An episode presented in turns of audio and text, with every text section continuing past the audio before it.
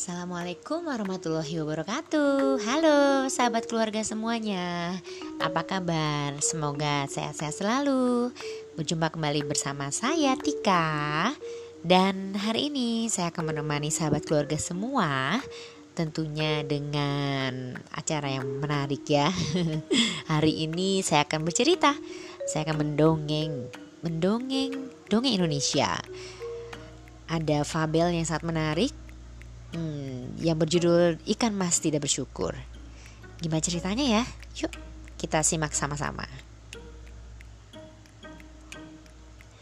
Di sebuah sungai yang terpencil dengan air yang jernih dan mengalir tenang, hiduplah dua ekor ikan yang bersahabat. Mereka adalah ikan mas dan ikan mujair. Hanya mereka berdua yang tinggal di sungai itu. Dan karena itu, Persahabatan mereka begitu erat.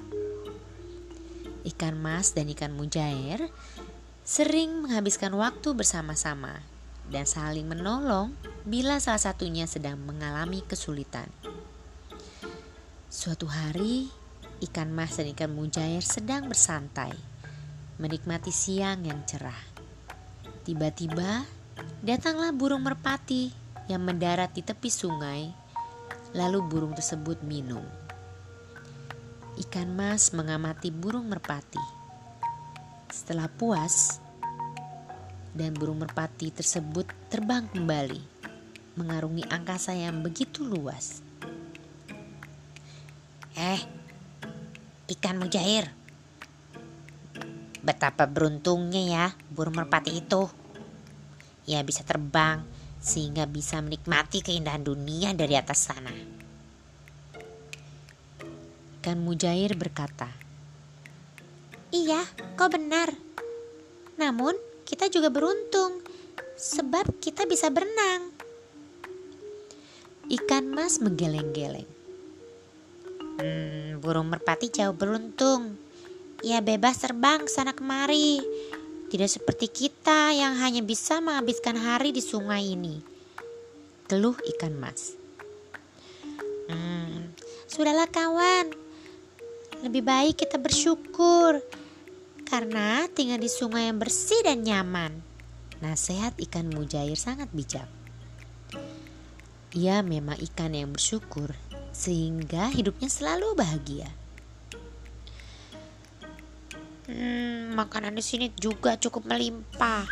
Tapi aku nggak bisa terbang ngelilingi dunia, kata ikan mas. Ikan mujair pun berkata, Ikan mas, kita harus masih beruntung. Kita masih bersyukur karena banyak ikan lain yang tidak seberuntung kita. Makanan di sini sangat melimpah jadi kita tidak pernah kekurangan makanan. Hah? Pokoknya aku melompat ke daratan. Aku ingin terbang seperti burung. Aku pasti bisa. Seru ikan mas penuh semangat. Ikan mujair panik. Hah? Melompat? Jangan, jangan. Nanti kau tidak bisa bernapas ya keluar dari sungai ini. Jangan ikan mas. Sayangnya, ikan mas tidak mempedulikan perkataan Mujair. Ia mencoba melompat ke daratan tanpa bisa dicegah.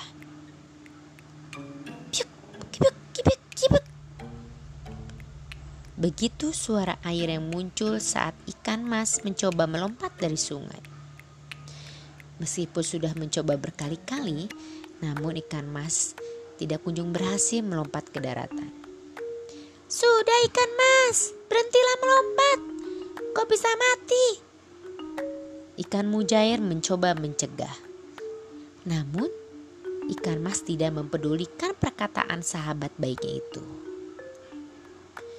Ikan mas berhenti sejenak, lalu mengumpulkan sisa-sisa tenaga ia mengambil ancang-ancang lalu mengambil satu lompatan dengan sekuat tenaga sepenuh-sepenuhnya. Tadi sangka ia berhasil melakukannya. Ia berhasil melompat ke daratan. Setelah itu, ikan mas mencoba untuk terbang. Ia berusaha melompat dan mengepakkan kedua sirip kecilnya. Tapi, apa yang terjadi? Benar apa kata ikan mujair. Ikan mas kesulitan bernapas. Ikan mas panik. Begitu pula dengan ikan mujair. Ia melihat sahabatnya itu menggelepar-gelepar di tepi sungai. Ikan mas, cepat kembali ke sungai kawan. Ikan mas mencoba mengikuti ucapan ikan mujair. Namun, ikan mas kesulitan menggerakkan tubuhnya ke arah sungai. Ia tidak bisa bergerak sebebas saat berada di dalam air. Lagi pula, ia juga kesulitan bernapas. Tiba-tiba, seekor burung elang yang sedang terbang melihat sesuatu mengkilat di tepi sungai. Ia memperhatikannya dengan seksama. Dan tahulah ia bahwa sesuatu yang mengkilat itu adalah seekor ikan mas. Tanpa buang waktu lagi, ia pun segera menukik, hendak menangkap ikan itu dan menjadikannya santapan siang. Ikan mujair melihat elang dari ujung cakrawala sana menukik ke arah tepi sungai. Ikan mas, bahaya! Teriak ikan mujair. Ia tahu bahwa elang itu hendak menyasar sahabatnya dan ikan mas yang nyaris tidak berdaya. Ikan mas, cepat kembali ke sungai. Kerahkan semoga, kerahkan semua tenagamu. Ada elang yang mengincarmu. Cepat! Jerit ikan mujair memperingatkan sahabatnya. Ikan mas mati-matian melompat ke arah sungai. Ia sudah hampir menjangkaunya, tapi tenaganya sudah habis. Sementara itu, elang sudah semakin dekat. Burung itu siap dengan cakarnya yang tajam dan kuat ikan mas berhenti sejenak. Ia mengumpulkan sisa-sisa tenaga. Sejurus kemudian, ia melompat dengan sekuat tenaga dengan penuh tekad.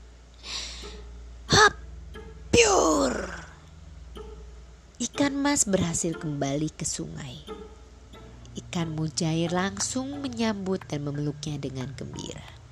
Ah, syukurlah kau selamat ikan mas. Seru ikan mujair. Ikan mas cuma bisa tersenyum lemah. Ia masih terguncang dengan kejadian yang baru saja dialaminya. Dalam hati, ia menyesal karena telah bersikap iri terhadap burung merpati. Kini sadarlah ia bahwa setiap makhluk memiliki kelebihan dan kekurangan masing-masing. Jadi tidak perlu iri apalagi dengki. Nah, sahabat keluarga, sudah selesai dongengnya. Seru ya. Ternyata dari fabel ini, dari kisah fabel dongeng ikan mas ini ada pesan moralnya. Seperti apa kata pepatah, rumput tetangga memang lebih hijau daripada rumput sendiri. Maksudnya adalah apa yang dimiliki oleh orang lain tampak lebih menarik daripada apa yang kita punya. Padahal sebenarnya tidaklah demikian. Setiap orang memiliki kelebihan dan kekurangan masing-masing, sehingga tidak perlu saling iri. Jadi begitu sahabat keluarga, mari kita bersyukur dengan apa yang sudah kita miliki ya. Oke, begitu dongeng kali ini, dongeng hari ini uh, saya saya dongengkan kembali dari kumpulan dongeng anak Indonesia ya. Baik, sekian sahabat keluarga, sampai jumpa lagi di segmen selanjutnya. Oke, wassalamualaikum warahmatullahi wabarakatuh. Terima kasih setelah telah mendengarkan segmen kali ini. Bye bye.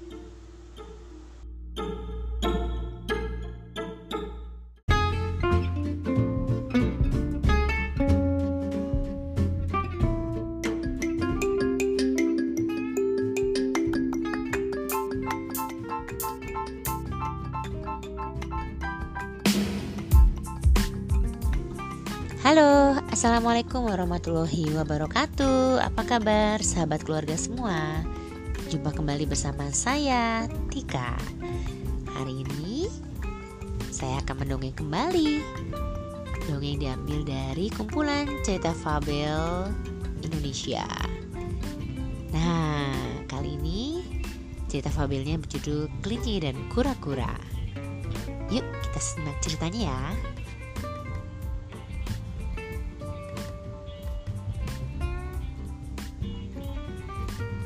Sebuah hutan kecil di pinggiran desa menjadi tempat tinggal dari sekelompok binatang. Di hutan tersebut ada seekor kelinci yang sangat sombong dan suka mengejek binatang lain yang lemah. Hewan lain pun tidak ada yang suka pada kelinci yang sombong itu. Suatu saat, si kelinci sombong tersebut berjalan mencari korban untuk diejek. Kemudian,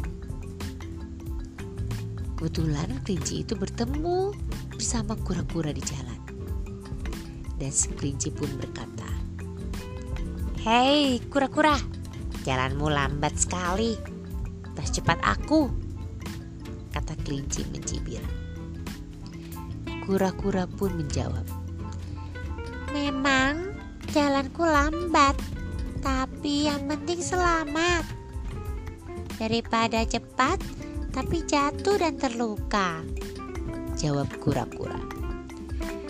Kelinci tak menerima perkataan kura-kura. Akhirnya menantang kura-kura. Oke, kalau begitu. Bagaimana kalau kita adu lari saja? Kalau menang, aku beri hadiah apa pun yang kau minta. Kata kelinci yang angkuh.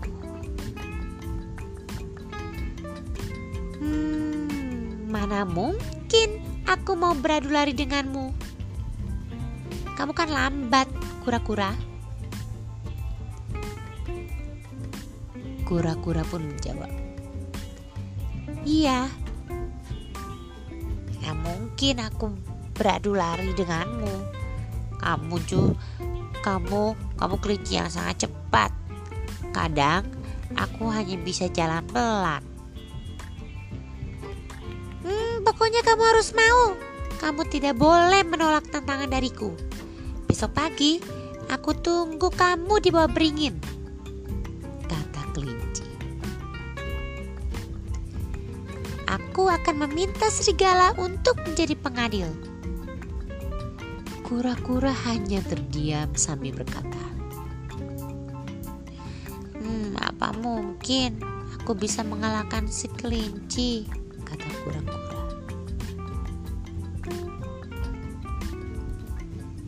Keesokan harinya, kelinci yang sombong itu sudah menunggu di bawah pohon beringin. Serigala sudah datang untuk menjadi wasit. Dan juga hewan-hewan lain hadir untuk menyaksikan perlombaan tersebut. Setelah kura-kura datang, serigala berkata, Hmm, peraturannya begini. Kalian balapan lari dimulai dari sini. Dan siapa yang sampai ke pohon di sebelah sana maka dialah pemenangnya. Semua yang hadir pun mengangguk-angguk. Serigala pun berkata, Ayo, semuanya bersiap. Satu, dua, tiga, lari! Kata serigala memberikan sebuah aba-aba. Kelinci langsung berlari sekencang mungkin mendahului kura-kura. Sementara itu, kura-kura berjalan dengan sangat lambat.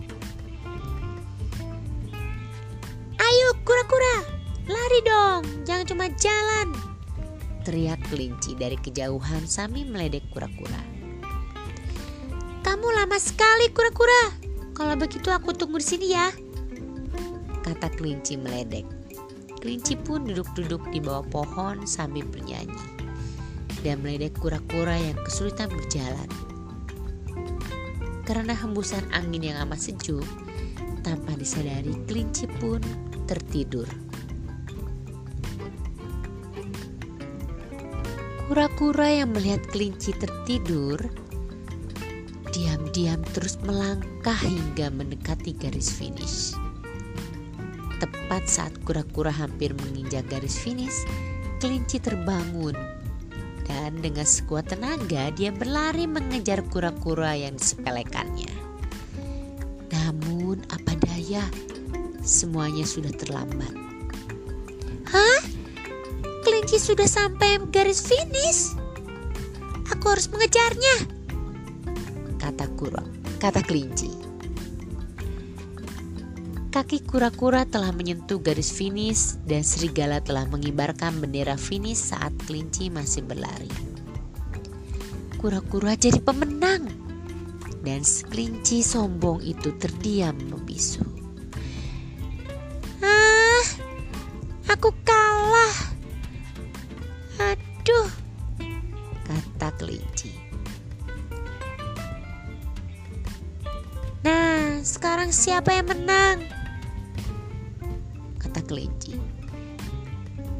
Kura-kura pun menjawab. Yang menang adalah aku. Kata kura-kura. Kura-kura mengingatkan kelinci. Kelinci, kamu masih ingat janjimu kan? Kalau aku menang, aku boleh minta hadiah apa pun. Iya, pilih saja yang aku mau. Kata kelinci deg-degan. Aku hanya minta satu hadiah dari kamu. Oke, boleh.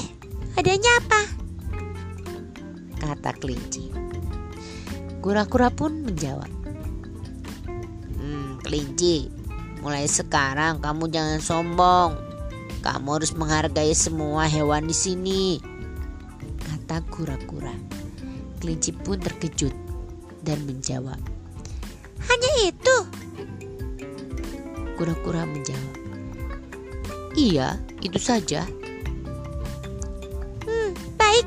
Aku berjanji tidak akan sombong lagi. Aku juga akan menghargai semua hewan di sini. Dan juga aku minta maaf atas sifat sombongku. Kata kelinci disaksikan semua binatang. Nah, begitu sahabat keluarga ceritanya tentang kelinci dan kura-kura. Oke, jadi pesan moral dari dongeng tersebut jangan sampai sombong seperti kelinci. Oke, baik itu saja sahabat keluarga. Terima kasih telah mendengarkan dongeng kali ini. Sampai berjumpa kembali di segmen selanjutnya. Tentunya bersama saya Tika. Terima kasih. Wassalamualaikum warahmatullahi wabarakatuh.